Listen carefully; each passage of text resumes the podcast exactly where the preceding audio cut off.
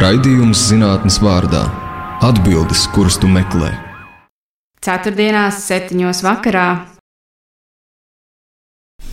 Esiet sveicināti raidījumā zinātnes vārdā, ar jums kopā Ievas Siliņa. Ūdens šķiet ir pats svarīgākais šķidrums pasaulē. Tas ir dzīvības pamatā, ir nepieciešams visām dzīvajām būtnēm, un nu pat runā, ka dzīvība pati ir radusies tieši ūdenī.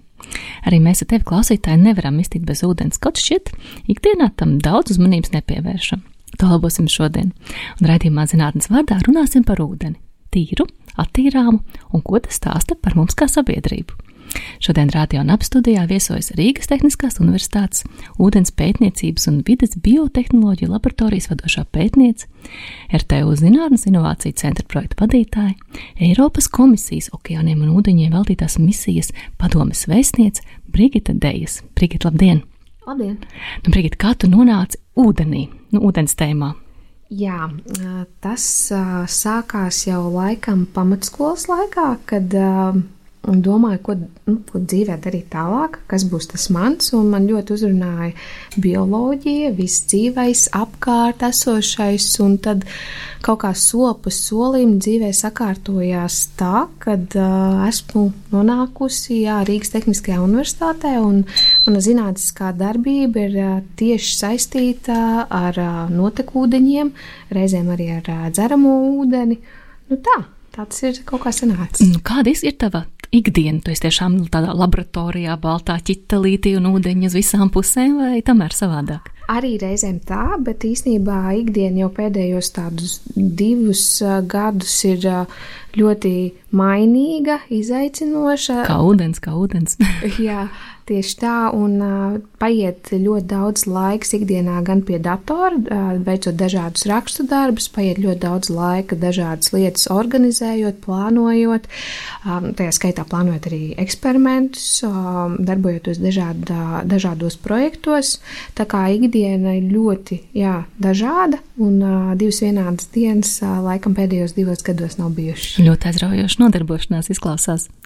Tu esi arī Eiropas komisijas vēstniece tieši ūdens jautājumā, tīra ūdens vēstniece. Ko tas nozīmē? Jau kādu laiku Eiropas komisija ir izvirzījusi dažādas misijas Eiropas līmenī. Tātad lietas, ko mēs vēlamies sasniegt visu jā, kopā. Mhm. Jā, kur visa, visi Eiropas Savienības iedzīvotāji virzās, lai sasniegtu šo kopējo mērķi. Un viena no misijām ir par, par ūdeni.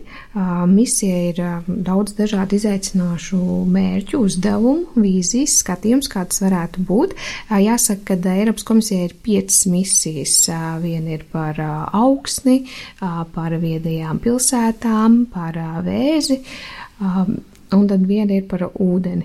Un kā tu to ūdeni domā? Tas ir tā kā, lai mums, teiksim, Baltijas jūra būtu tīra, vai tā kā visiem, lai pietiktu dzeramais ūdens, vai kā tas ir? A, a, abas nosauktās lietas, bet a, misija aptver visu Eiropas Savienību, un mums ir piekļuve gan, piemēram, vidusjūra, tas ietver, gan a, okeānu.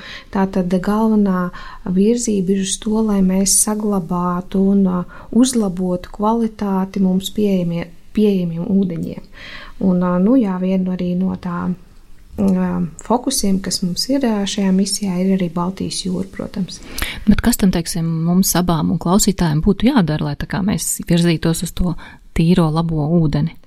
Jā, tie mērķi ir ļoti daudz un dažādi. Piemēram, samazināt bīstamo vielu nokļūšanu ūdeņos, plasmas daudzuma samazināšanās, mikroplasmas piesārņojuma mazināšana, saglabāšana, daudzveidība, bioloģiskās daudzveidības saglabāšana. Tā brīdī tas jau kaut kādas tādas uzņēmuma lietas, tā teikt, jā, jā, ļoti daudz un plaši, un arī pat esmu saņēmusi šo jautājumu, nu, ko es varu darīt, kā, kā, kā, kā Kāds ir normāls cilvēks? Jā, kā normāls cilvēks. Nu, un tad tas, ko es bieži vien saku, man ļoti rūp tas, ka mums Latvijā ir pieejams plaši un daudz dzeramais ūdens pazemē. Mm -hmm. Un, lai samazinātu plasmasas piesārņojumu, vieglākais veids ir nepirkt ūdeni plasmasas pudelēs. Un līdz ar to mēs tuvojamies arī nu, šim misijas mērķim - samazināt plasmasas nokļūšanu apkārtējā vidē. Tas ir katrs, ko indi individuāli cilvēks var darīt. Tas nozīmē, iegādāties savu pudeli, kas būtu vai no metāla vai no stikla, un atkārtot to uzpildīt. Jā, tieši tā, no krāna, jo mums Latvijā ir drošs ūdens, kas nāk no krāna, un mēs droši to varam darīt, uzpildīt. Līdz ar to mēs izdarām daudz labus darbus. Pirmais, samazinām plasmasas piesārņojumu, tātad pamainām ikdienas paradumus.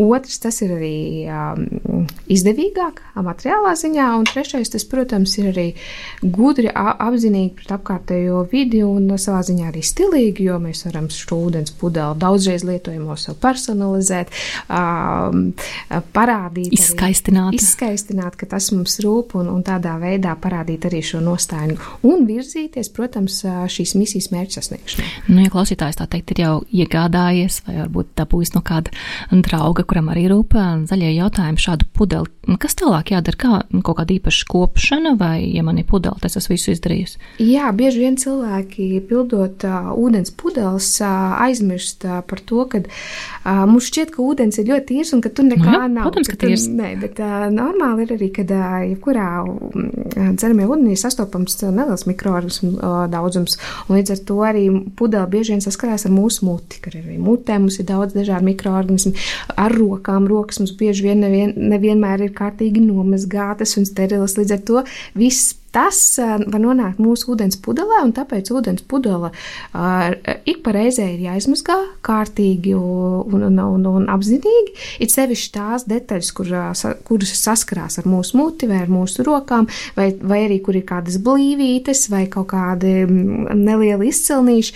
Tās ir tās visas vietiņas, kur parasti kaut kas var saķerties un aizķerties, un tāpēc es aicinu ūdens pudeli vienmēr izmazgāt, lai tā būtu lietošanai, lietošanai atbilstošā kārtībā kārtībā, un tad jau nebūs nekāda. Kādu tu domāji, tā kā ar, ar ūdeni izmazgāt, vai ar birstīti, vai ar uh, ziepēm? Uh, es noteikti ieteiktu ievērot tādu rutīnu, vai nu kārtīgi ar ūdeni izskalot, vai arī ar nedaudz izskalot ar kādām uh, mazgāšanas līdzekļiem, kas tieši ir paredzēti trauku mazgāšanai, un, un, un kārtīgi pēc tam izskalot un atkal lietot šo pudeli. Kā ar pašu ūdeni? Kurā brīdī var zināt, ka jā, tīrs labs, bet kurā brīdī tā kā tomēr. Mm, Ja mēs ņemam ūdeni no centralizēta apgādes sistēmas, tad īpaši mums satraukties par to nevajag. Tas nonāk līdz mums tādā stāvoklī, ka tas ir drošs patē, mums patērējams ikdienā, un par to nevajadzētu satraukties. Savukārt, ja mēs izmantojam ūdeni no pašu raktas akas, piemēram. Pats atradu. Jā, jā tad, tad droši vien es ieteiktu reizi gadā pārbaudīt šo ūdens kvalitāti. Nu, ko tas nozīmē? Tas nozīmē, ka mums ir atbilstoši jāpaņem paraugs un jānogādā kādā no Latvijā laboratorijām, kur šo kvalitātes pārbaudu var veikt. Tu gribi teikt, ka tad um, visas tās mājas un dzīvokļi, kas ir pieslēgti centrālajai ūdens apgādē, tur šīs analīzes jau tā kā tiek veikts priekš mums? Jā, Tur mums nevajadzētu satraukties, un tur visam vajadzētu būt kārtībā. Vai ir kaut kādas vēl tādas ikdienas lietas, ko vajadzētu, pie kā vajadzētu piedomāt, lai neradītu piesārņojumu ūdenī? Nu, viena šķiet man bija šī mikroplasmas, ko, ja pareizi atceros, Eiropa ir aizliegusi izmantot. Nu jā, pēdējie pētījumi, ko pati esmu skatījusies, piemēram, par tā, pašām tām ūdens pudelēm, tad iesaka izmantot vai nu stikla vai metālu. Tā kā man pašai personīgi ir metāla pudele, Tā kā aicinu tad iegādāties. Izmērā vieglāk.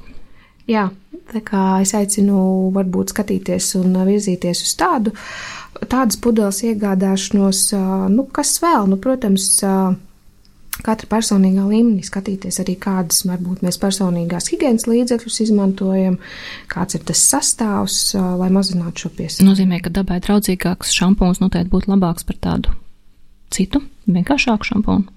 Um, Vai kā man saprast, kurš ir tas labākais? Uh, nu, jā, nu, skatīties to sastāvu. Nu, Jūs jau ļoti labi minējāt, ka ir jau noteikts kaut kādas regulas, ko Eiropas Savienībā ievēro, bet, uh, nu jā, katra personīgā izvēle skatīties un atrast to labāko, uh, kas būtu tajā ikdienā, tad vēlams lietot. Un droši vien nepārspīlēt arī tā teikt. Jā, jā, es vienmēr saku, ka viss ir tādā balansā.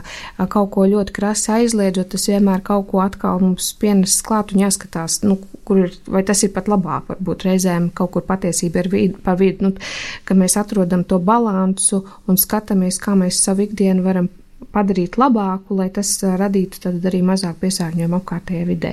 Bet tā pilnīgi aizliedzot reizēm, bieži vien mēs nodaram pat reizēm lielāku kaitējumu nekā mēs nu, sākumā mums šķita. Un par balansu runājot, šonadēļ ir izsludināts, ka no otrdienas līdz pat piekdienai Rīgā tiek dezinficēta ūdens sistēma. Tādēļ um, ūdens, protams, ir drošs un viss ir kārtībā, bet um, nav ieteicams uh, dzert ūdeni tieši no krāna, vajadzētu uzvārīt. Kas ir noticis, kāpēc kaut kas tāds notiek Rīgā? Man jāsaka, tā ir tāda normāla prakse, un ūdensvadu skalošana tiek veikta, lai ilgtermiņā nodrošinātu dzeramā ūdens tādu stabilitāti un pakalpojumu drošību. Tā kā nekas ārkārtējs tas nav. Tas notiek, manuprāt, katru gadu, un līdz ar to, jā, ir Rīgas ūdens arī šo paziņojumu veids, tā kā ievērosim šīs rekomendācijas, kas ir sniegtas, un es domāju, ka viss būs kārtībā. Principā tā ir normāla lieta, nekas tāds. Jā, tā ir normāla pieņemta praksa. Klā, bet kur cilvēkam uzzināt informāciju par ūdeni vispār? Nu, gan tādiem ieteikumiem, kā pareizāk dzīvot, ko labāk darīt, um, beidzot ar šādām lietām? Jā, nu, noteikti var skatīties ūdensaimniecības uzņēmuma mājaslapās.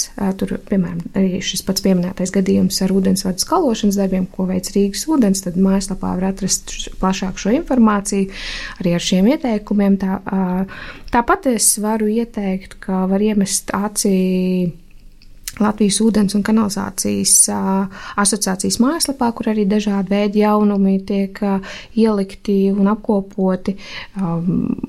Nu jā, tie ir tādi pirma, pirmie avoti, kur var skatīties.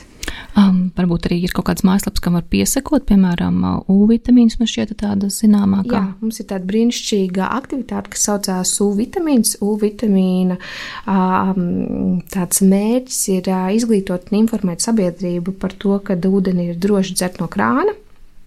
Un arī kliedēt šos mītus sabiedrībā, kas reizēm klīst par, par dzeramo ūdeni un cik tas ir drošs vai, vai, vai, vai nedrošs.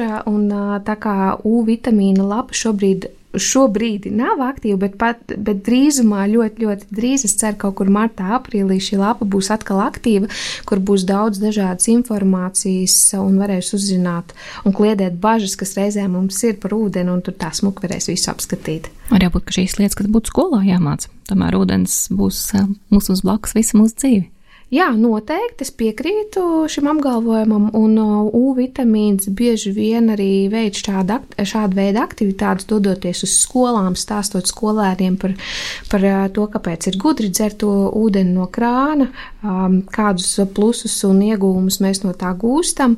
Un patiesībā, jā, bērni, jaunieši noteikti ir, ir tā auditorija, kas spēs, spēj, es gribētu teikt, jau tagad spēj mainīt arī šo sabiedrības nostāju un izdarīt šos atbildīgos lēmumus, un arī saviem vecākiem palīdz kliedēt šos mītus, aiziet mājās un stāstot par to, ko viņi ir iemācījušies kaut vai, piemēram, no šīm vitamīnu lekcijām. Jā, ja varbūt dažreiz tā vienkārši pierast šī pudeles ūdens garša kaut kur ir tā kā karšas kārpiņas atpazīst, bet tajā pašā laikā tas cits ūdens pa krānu ir tikpat labs. Jā, tieši tā, un bieži vien jau, protams, kad arī um, reklāma nospēlē kādu būtisku lomu, kāpēc. Nu, reklāmas ir skaistas, jā, kalnu avoti vai ne? Jā, Putniņa dzied.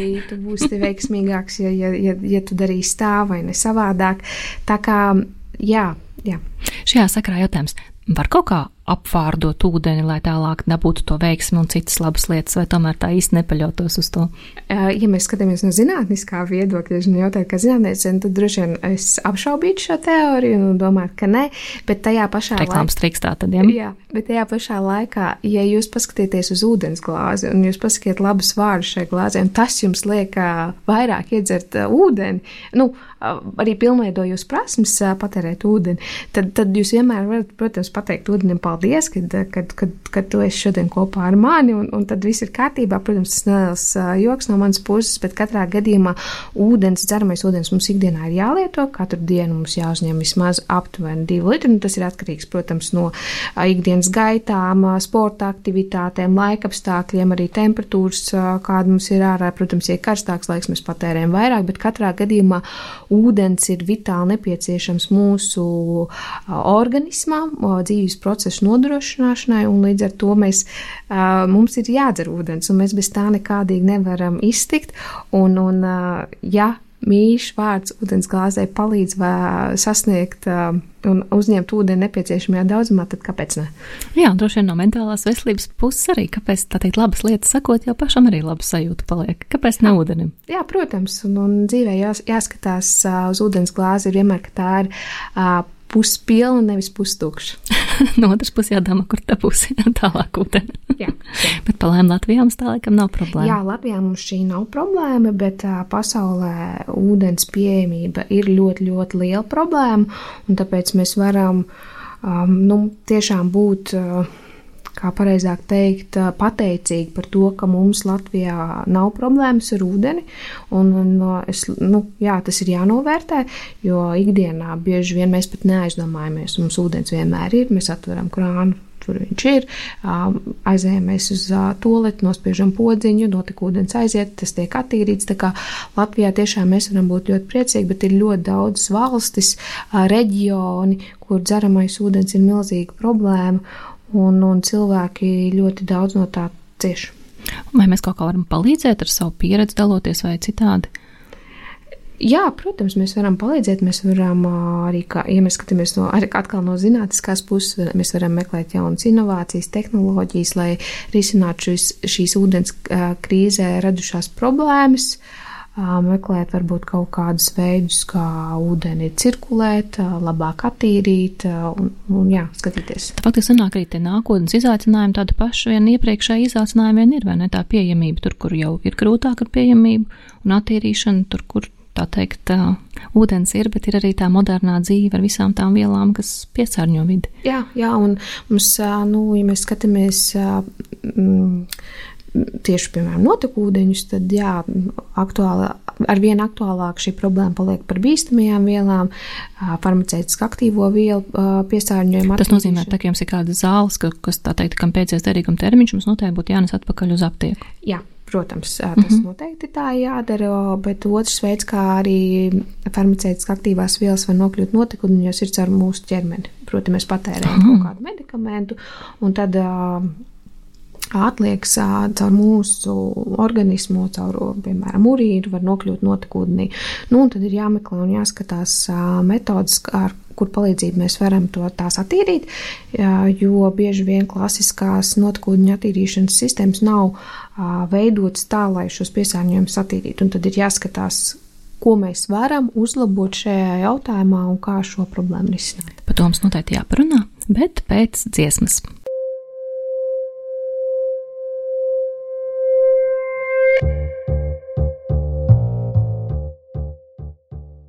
Šis ir rādījums zinātnes vārdā jums kopā Ieva Siliņa. Viesosim šodien Rīgas Tehniskās Universitātes vadošā pētniece Brigita Dejus un runājam par ūdeni. Nu, Brigita, tu esi pirmā RTU vēsturē, kas saņēmusi doktora grādu vienlaikus divās universitātēs - Rīgas Tehniskajā universitātē un Zviedrijas Karaliskajā tehnoloģiju institūtā.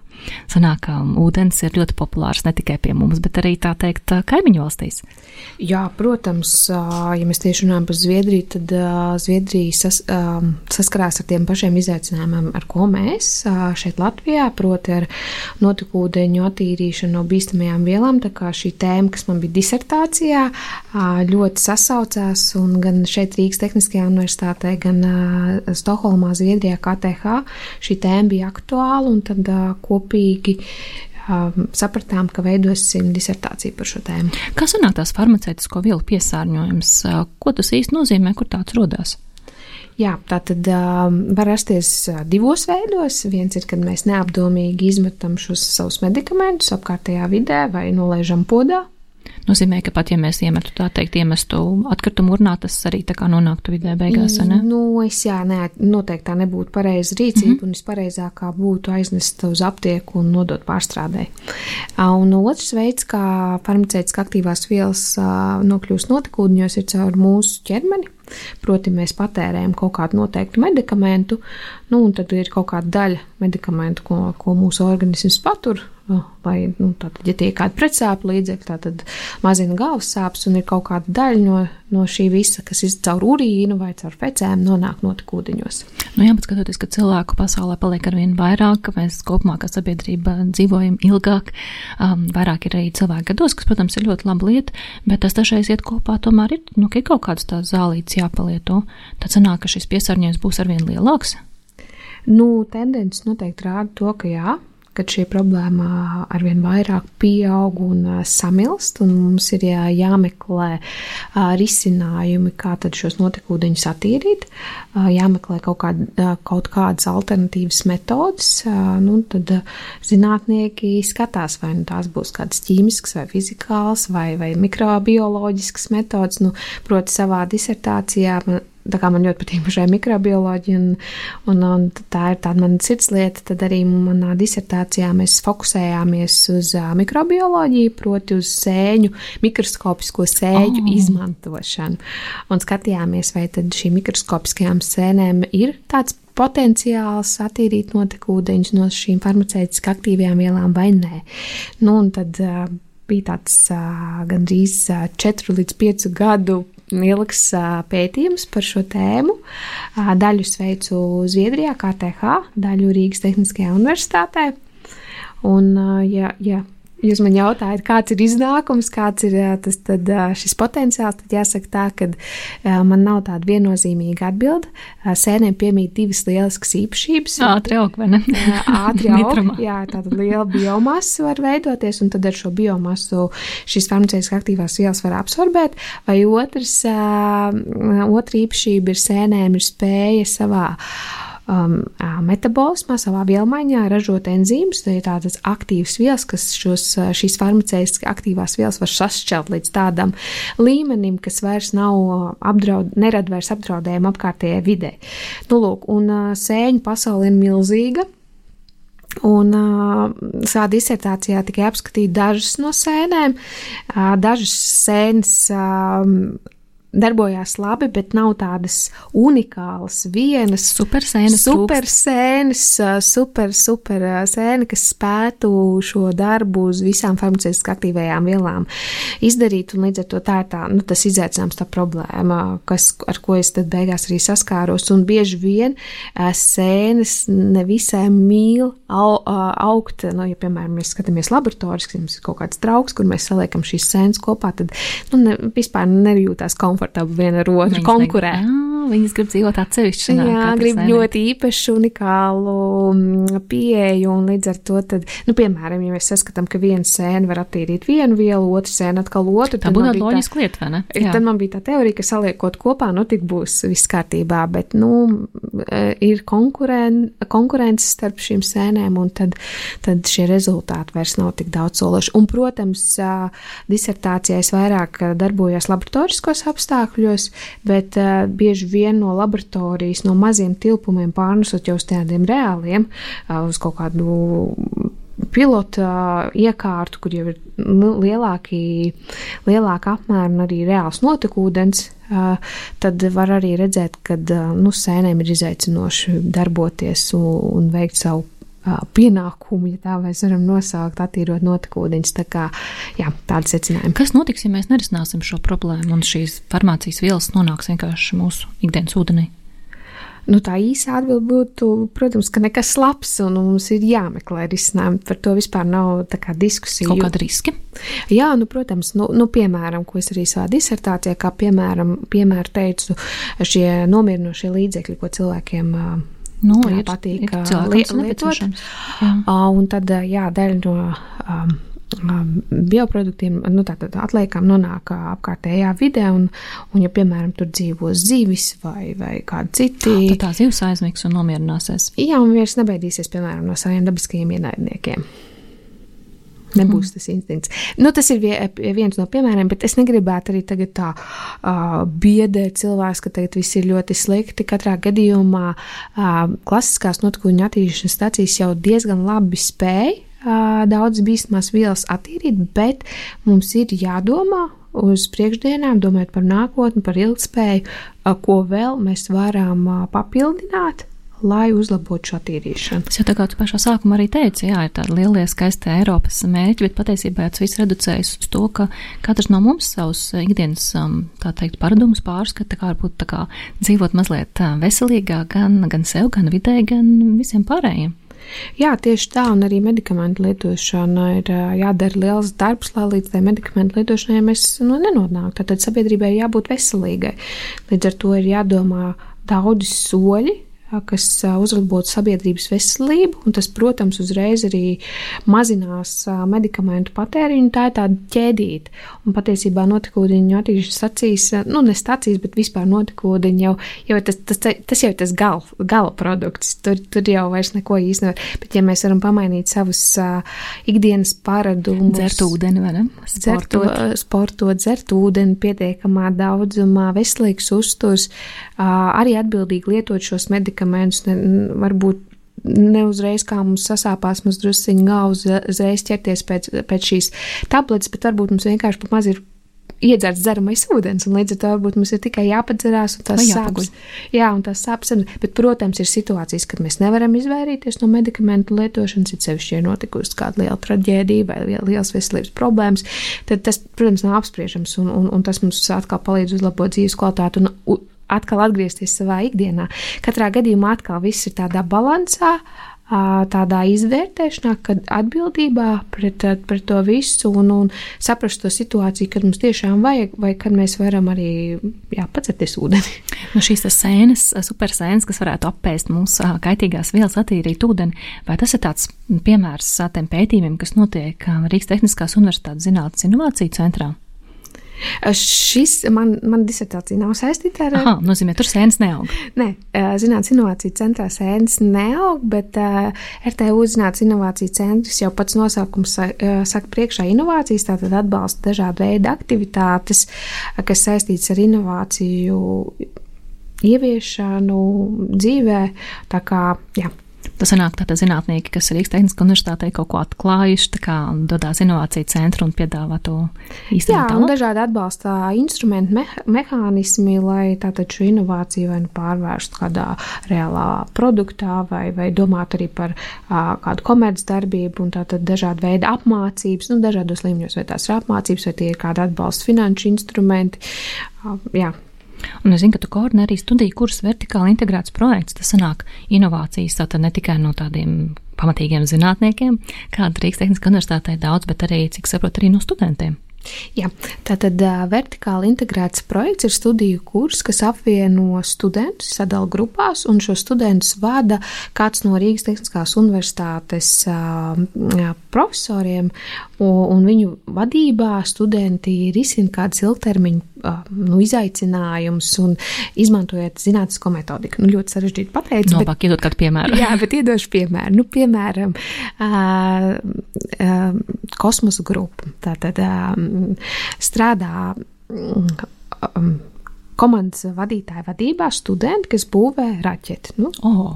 Tātad būvē raķeti, mm -hmm. kuras mērķis ir uzšauties gaisā. Nu, kādu laiciņu atpakaļ, tad mums bija Baltijā pirmā studenta raķete, kas pacēlās gaisā. Tad studenti ilgi strādāja un tiešām uzbūvēja šo raķeti. Tā kā es tiešām nu, ļoti, ļoti lepojos ar šos, šīs komandas darbu. Bet es lepojos arī visām pārējām. Piemēram, mums vēl ir komanda. Um, um, kosmos, kosmos minēja, bet bioenerģijas komanda, kura būvē kompostu iekārtu. Tad mums ir komanda notekūdeņi, kas strādā pie notekūdeņa attīrīšanas, izmantojot aļģes. Tad ir komanda elektroniķi, kuri būvē savu pirmo elektroriteni. Tad ir robotikas komanda, kas strādā tātad dažādu vilcienu ķēžu sasaisti un drošību. Tā kā piemēri ir ļoti daudz, vēl mums ir starp citu viena komanda starp Rīgas Tehnisko universitāti un Rīgas Stradiņu universitāti par gaisa kvalitāti, un tad arī šī starp universitāšu sadarbības starp uh, pasniedzējiem un uh, studentiem, un arī ļoti interesanti skatīties, kā attīstās šī sadarbība un šie rezultāti rezultāti. Un katrā gadījumā varbūt nevienmēr fokus ir radīt kaut kādu nu, grandiozu atklājumu, inovāciju, bet vairāk fokusu studentiem parādīt, kā tas ir darboties tādā nelielā jau tādā jauno zinātnieku grupiņā, kā ir veikt eksperimentu, kā ir iegūt pirmos rezultātus, kā ir tos apkopot, un, ja tiešām rezultāti ir gan kvalitatīvi, tad reizēm arī uh, komandas raksta zinātniskas publikācijas. Mums tad ir arī pārzinātniskās publikācijas, kas kuras ietvaros ir tapušas, un tie, es tiešām aicinu RTU studentus būt daļai no šī kursa, jo tas tiešām iedod tos pirmos iespējas, kā tas ir darboties vadošā zinātnieka, vadošā pētnieka pavadā un, un iegūt šīs pirmās pieredzes. Es gan šo klausoties, domāju, ka es neapskaužu students tās tēmas ir tik foršas, ka izvēlēties vienu no šīm visām varētu būt ļoti izaicinoši. Jā, es uh, saņemu reizēm šos komentārus arī no studentiem, kas nevar izvēlēties, vai es nevaru pieteikties uz divām, bet, uh, jā, nu, es šo studiju kursu koordinēju, un ja studenti sāk pieteikties pie, pie dažādām komandām, kam vēlētos startēt, tad sākās ļoti liels juceklis. Atrast, kuram tagad būs tā īstā vieta, un tad viens grib tur, otrs grib tur. Tāpēc um, ir tāda kārtība, kā tas notiek notiek. Nu, kā zinātnē, kā zinātnē, tev Jā. ir tava tēma, tev jāpēta šī lieta. Pēc Jā, tam pētīs nākošo. Kurs arī nav tāda atpūta. Mēs prasam no studentiem viņu iesaist, mēs prasam arī klātbūtni studentu laiku, bet katrā gadījumā tas ir tā vērts, jo tā ir arī lieliski iespēja pirmkārt iepazīties ar saviem studiju biedriem, iepazīties ar citiem studentiem, jo VIP kursā var piedalīties gan bakalaura līmeņa, gan maģistra, gan doktorantūras līmeņa. Tātad visu līmeņu studenti, tāpēc arī saucās vertikāli integrēts projekts. Un līdz ar to tā ir lieliski iespēja iepazīties ar jauniem cilvēkiem un arī iepazīties ar vadošiem pētniekiem, profesoriem no universitātes, un um, būt klātesošiem uh, un redzēt, kā notiek šie procesi. Un reāli pagaršot tādu zinātnieku dzīves stilu, saprast, kā tas, kā tas ir, gan tas atklājuma prieks, gan arī tas, ka arī nē, kādreiz var būt normāla atbilde, vai ne, ka tā jāmeklē cits veids. Jā, jā. Brīnišķīga pieredze. Bet nu gan laiks dziesmai. Šis ir raidījums zinātnes vārdā, un kopā Ievas Seliņa. Viesosim šodien ir Rīgas Tehniskās universitātes vadošā pētniece Brigita Tejas. Runājam par ūdeni. Nu, katru gadu gada sākumā Latvijas Zinātņu akadēmija apkopo, kas tad pagājušajā gadā ir tāds labs paveikts, kāda zinātnes sasnieguma sasniegti. Un brīdī sanāk, ka tavs tevis vadīta, vadītais pētījums notekūdeņu epidemioloģijas pētījumu jomas attīstība Covid-19 pandēmijas kontekstā ir viens no tādiem uzvarētājiem. Nu, pastāst lūdzu, kas tur tika pētīts. Jā, nu, nu paldies. Man gan jāsaka, ka nu, tas gluži nav manis vadīts. Tā ir milzīga pētnieku grupa. Kā parasti zinātnē, komandas darbs. Ja? Tas ir, jā, un man ir tikai tāda maza daļa, un patiesībā man jāsaka, ka esmu ļoti priecīga un pateicīga profesoram Tālam Juhnam, kad viņš man ir ļāvis būt šajā grupā, jo katru reizi kad ir kāda tikšanās vai apspriede par, par šiem pētījumiem, es ļoti mācos no, no labākajiem, kas mums šajā pētījuma komandā ir. Un pētījums ir starp Rīgas Tehnisko universitāti, Latvijas biomedicīnas pētījumu studiju centru BMC un institūtu Bior. Un tā ir tāda pētījuma sērija, kur katrs partneris ir veicis kaut kādu noteiktu pētījumu par notekūdeņu epidemioloģiju. Un, un man jāsaka, ka arī šajā pētījumā iesaistīti uh, industrijas partneri, piemēram, Latvijas mobilais telefons un Exponential Technologies uh, XT. Un tāpat arī, lai labāk varētu veikt pētījumu un ievākt šos notekūdeņu paraugus, ir bijusi uh, aktīva sadarbošanās ar ūdensaimniecības uzņēmumiem, 16 dažādiem no visas uh, Latvijas. Fantastisks apmērs. Tā kā Vēlreiz tā ir tikai ma, man, mans ieguldījums ir ļoti, ļoti maziņš no tā visa lielā, lielā, lielā pētījuma. Un, un, un, un katrā gadījumā šis pētījums, jā, viss kopums dod ļoti labu ieskatu notikūdu epidemioloģijā un arī lielu iegu, pie, pienesumu sabiedrības veselības uzlabošanā. Ko tieši nozīmē tā notekūdeņu epidemioloģija? Tas nozīmē, ka notekūdeņi ir tāds tā kā sabiedrības spogulis, ja tā varētu Jā, redzēt, noteikti. teikt, un mēs uh, spējam notekūdenīs uh, saskatīt sabiedrības paradumus reizēm, reizēm arī slimības gaitu. Nu, ja mēs runājam tieši šajā pētījumā, mēs daudz skatījāmies uz Covid-19 saslimstības izmaiņām, nu, un tad ievācot, piemēram, šos notekūdeņu paraugus, uh, tos analizējot, mēs varam redzēt, uh, kā slimība izplatās, kādi tipi izplatās, izplatās. Un uh, vien, tajā pētījumā, kurā tajā vienā mazajā daļiņā, kur mē, es tieši piedalījos ar komandu, mēs skatījāmies, kā no šiem datiem, ko mēs iegūstam, varam paredzēt 14 dienas uz priekšu slimības attīstības gaitas, un proti vai saslimstība pieaugs vai saslimstība samazināsies, un uz, balstoties uz to atkal, protams, tālāk nododot šo informāciju atbilstošajām iestādēm, epidemiologiem, var uh, veikt attiecīgus uh, soļus, lai sabiedrību pasargātu. Nu, tā jau ļoti, ļoti vērtīga informācija, jo, protams, atpakaļ skatoties, visiem ir viegli kaut ko secināt, bet tā māksla zināt, kas būs uz priekšu un uh, kā palīdzēt cilvēkiem. Jā, tieši tā, un tā, tā ir ļoti vērtīga informācija, un es ļoti pat arī izbaudīju, esot daļa no šī pētījuma, jo es redzēju, ka tiešām šie rezultāti un tā lieta, ko mēs pētam, dod šo pienesumu un, un šo rezultātu mēs redzam. Šādā veidā pētot notekūdeņus, kas ir tās lietas, ko ir iespējams uzzināt? Viens jātad to, cik strādās, cik saslimuši ar covid, bet varbūt ir vēl kādas lietas izpētāmas. Jā, partneri arī skatījās. Um, piemēram, populācijas skaita biomarķieru novērtējumu, tātad arī uz to, tās informācijas um, pamata var veikt dažādus uh, secinājumus arī medikamentu patēriņu daudzumu, bet katrā gadījumā es aicinu tad arī visus iepazīties, jo katrā gadījumā apbalvojums ir par, es nemaldos, četrām dažādām publikācijām, iepazīties, apskatīties, un, un tur visi šie rezultāti ir apkopoti. Drīkst jautāt, ko tur darīja mobilo pakalpojumu, mobilo telefonu pakalpojumu sniedzēji? Jā. Liekas, ūdeņi, hei, kaut kāda savādāka lieta. Jā, pilnīgi. tur Šeit bija viens no pētījumiem skatīties tieši Covid-19 laikā, kur vairāk cilvēku pulcējās.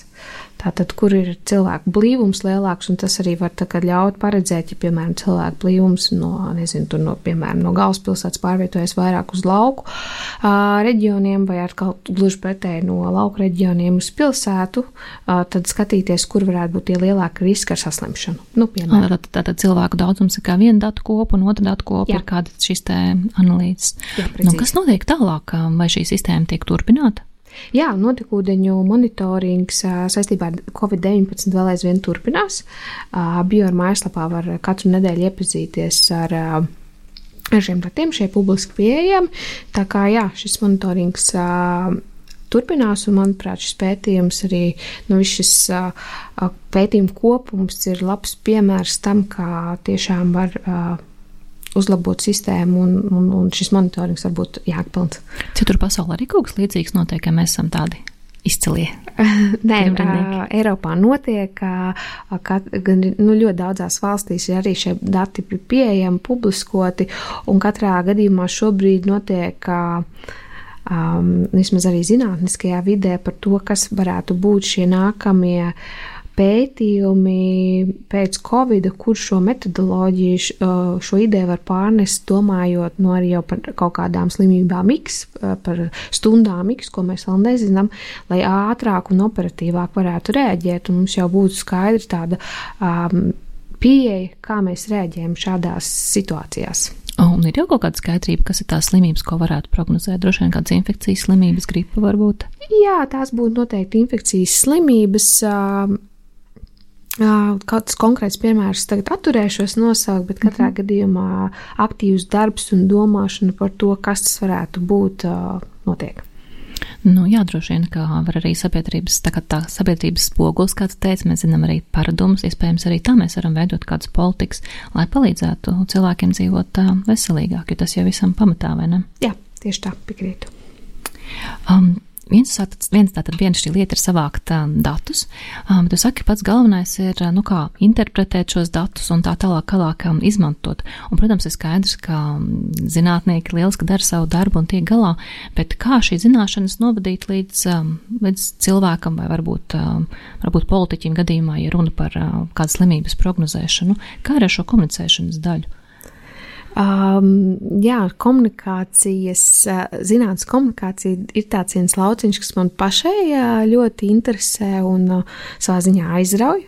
Tas ir tāds man izaicinošs. Es varbūt no, novirzīšu, ne, nerunāšu konkrēti par šo Covid-19 pētījumu, kas saņēma šo apbalvojumu, bet vispār kopumā par to, kā ar sabiedrību komunicēt un kā nodot šos rezultātus saprotami, skaidri un arī bieži vien man ir viens ir nodot rezultātu, bet otrs arī sniegt šo paskaidrojošo funkciju. Ko tad īsti tas nozīmē? Nu, piemēram, mm, šobrīd ļoti aktuāla tēma sabiedriskajos arī tādos mēdījos un presē ir par mikroplasmas, un bieži vien mēs redzam šos virsrakstus, kad uh, ir atrasta mikroplasmas ūdenī. Pat Antarktīdā atplast, atrasta. Jā, Antarktīdā ir atrasta, un tad um, bieži vien tas, kur man pietrūkst atbildi šo jautājumu, ko man darīt, ko, ko īsti tas man nozīmē, vai es tagad nedrīkstu vairs dzert vispār ūdeni, vai es nedrīkstu braukt vairs uz Antarktīdu, ko man īsti tagad darīt. Un, un man liekas, ka šis jautājums man pašai tā bieži vien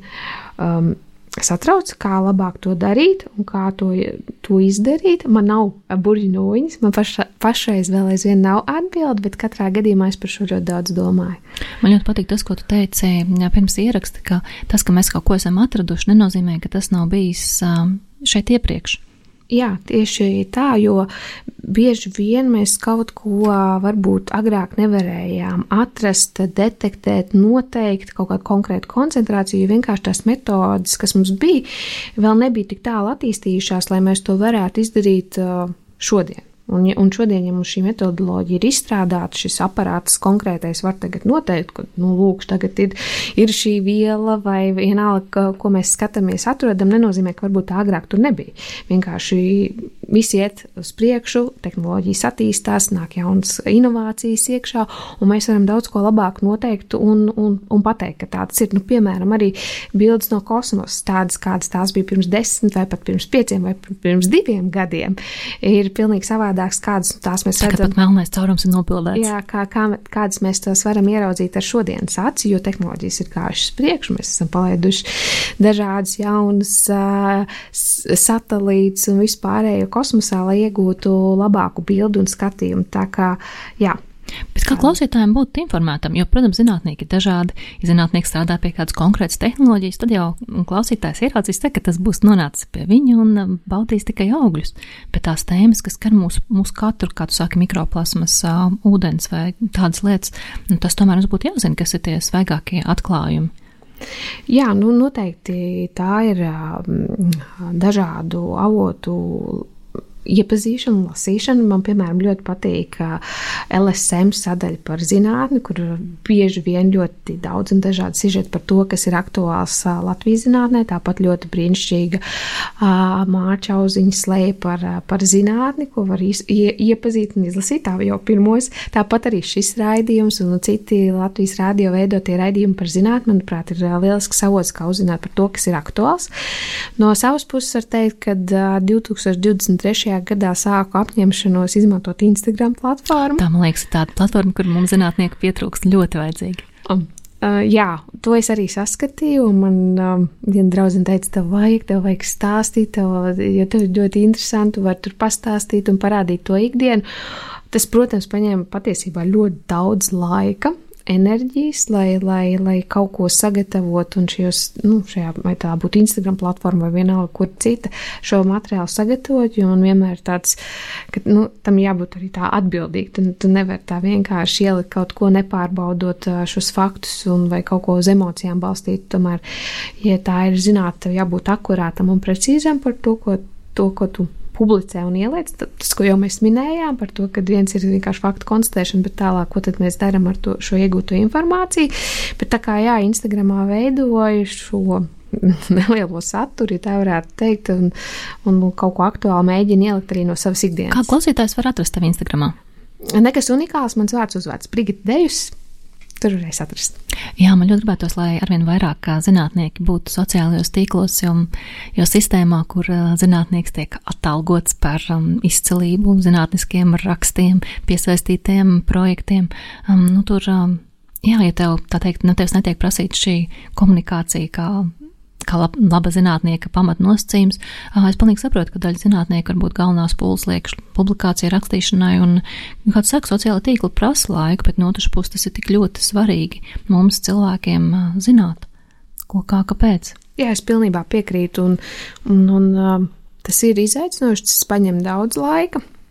Bet tas ir ļoti, ļoti svarīgi komunicēt un stāstīt, jo tad, tad nu, ir jāstāsta par to, to, ko mēs darām. Un, un, un arī ļoti, jūs ļoti labi atzīmējāt par to, ka uh, ir svarīgi šo saturu veidot uh, un piedāvāt dažādi šajos sociālajos tīklos, lai cilvēks redz, ka, kad, kad ir arī jāzinātnē kaut kas notiek un, un, un, un iepazīstās ar šiem jaunatklājumiem, ar to, kas notiek un kāda ir šī ikdiena. Ja patiesībā var arī saprast cilvēku, kuram ir no ikdienas dzīve un viss sarežģījumi un nu, viss tas, kas ir katrā, katrā dzīvē, un varbūt tādiem brīvajā brīdī viņam ir vieglāk atvērt Instagram un pastīties smukas bildītas nekā vērt vaļā biezo grāmatu vai, vai citas lietas. Es gan esmu no tiem, kas vēr tās biezās grāmatas, bet tā ir mana personīgā īpatnība. Un tad, tāpēc arī jābūt arī tur, kur, kur cilvēki ir un varētu viegli ieraudzīt. Jā, nu tas viss ir tādā balansā, jo ir reizes, kad ir nepieciešama šī biezā grāmata, ir reizē nepieciešama zinātniskā publikācija, bet arī zinātnisko publikāciju nevienmēr ir viegli visiem izlasīt, un tad ir vajadzīgs arī nedaudz um, vienkāršāks saturs, bet arī ne, nevienmēr tas ir vienkāršs saturs arī tajā Instagramā vai jebkurā citā platformā. Un vēl kas ir ļoti forši, kad man šķiet, ka tas zinātnieks arī kļūst pieejams pieejamāks. Ir pieejamāks, ka tu vari uzrakstīt un pajautāt kaut kādu interesējošu jautājumu. Arī es reizēm saņemu jautājumus par, par dzeramu ūdeni vai par kaut ko par notekūdeņiem. Un, un, un ļoti patīkami saņemt šos jautājumus, jo tu redz, ka cilvēkiem interesē, rūp, un cilvēks arī vēlās uzzināt. Kā, un arī skaidrs, ka tā atbilde būs tiešām no cilvēka, kas ir gudrākais šajā jomā, um, nevis tāda, ko um, atbildēs kāds, kas saka dīvāni eksperts, kuram liekas, ka viņš visu zina, bet patiesībā tas ir tikai viedoklis, nevis fakti. Jā, precīzi, un tas arī viens no maniem motivatoriem, kāpēc uh, izlēmu šo darīt, jo tad, jo tad, ne, tad, tad bieži vien mēs dusmojamies, kā tā var būt, kāds tagad kaut ko stāst, un tā patiesībā nav taisnība, bet vai tad mēs piedāvājām šo iespēju, vai tad mēs bijām pie, nu, pieejami. Tā kā šī ir tā viena no iespējām, kad, jā, ļoti labi minēja, ka tu vari pajautāt tam profesionālim no savas. Tā kā klausītāji jautājumu par ūdeniem, lūdzu, kā saka, ieslīdēt privātajās ziņās. Jā. um, to es arī šī gada zinātnes kalendāra viena no sejām. Ko tas uh, nozīmē? Nu, tā arī ir viena no zinātnes komunikācijas formām, um, parādīt, um, ko dara, uh, kāds ir tas uh, lauciņš, kurā, kurā darbojos. Um, Tur ir šajā kalendārā 12 brīnišķīgi cilvēki no dažādām zinātnes jomām apkopoti. Un tiešām ļoti priecājos, ka mums Latvijā ir šāda iniciatīva, kas atkal popularizē un pastāsta par to, ko zinātnieki dara un kāda ir ikdiena. Man liekas, ka zinātnīs joma vispār ir tāda, kas būs arvien vajadzīgāka nākotnē, un šķiet, ka ūdens ir viena no tām tēmām, kas arī aktualizēsies. Jā, nu man šķiet, ka zinātnē ir bijusi visos laikos aktuāla gan pagātnē, gan tagadnē, gan arī nākotnē, un, un tā loma, man, manuprāt, nekad nemazināsies. Mēs bieži vien pat neaizdomājamies, cik daudz ikdienas lietu, un tas pats mobilais telefons, kas mums ir skārienjūtīgais, tas jau viss ir nācis no dažādiem atklājumiem zinātnē. Jā, taisnība. Un ir būt liels prieks, ka tas daļa no tām lielajām lietām, ne, kas um, bieda mūsu, mūsu cilvēci, mūsu valsti, mūsu cilvēkus uz priekšu. Jā, es varu tikai piekrist. Nopēcot sarunu ar kādu, kādu ar ūdeni saistītu padomu, tad dos mūsu klausītājiem. Tā ar ūdeni saistīta. Nu, labi, labi var arī dot padomu bez ūdens. Tātad padoms no manas puses būtu noteikti turpināt dzert ūdeni, dzeramo ūdeni nepieciešamajā daudzumā, jo zinātniski ir pierādīts, ka patērējot pietiekami daudz dzeramo ūdeni, tas uzlabo mūsu smadzeņu darbību, padara mūsu mūžus uh, skaistus un, un, un visas pārējās labās īpašības.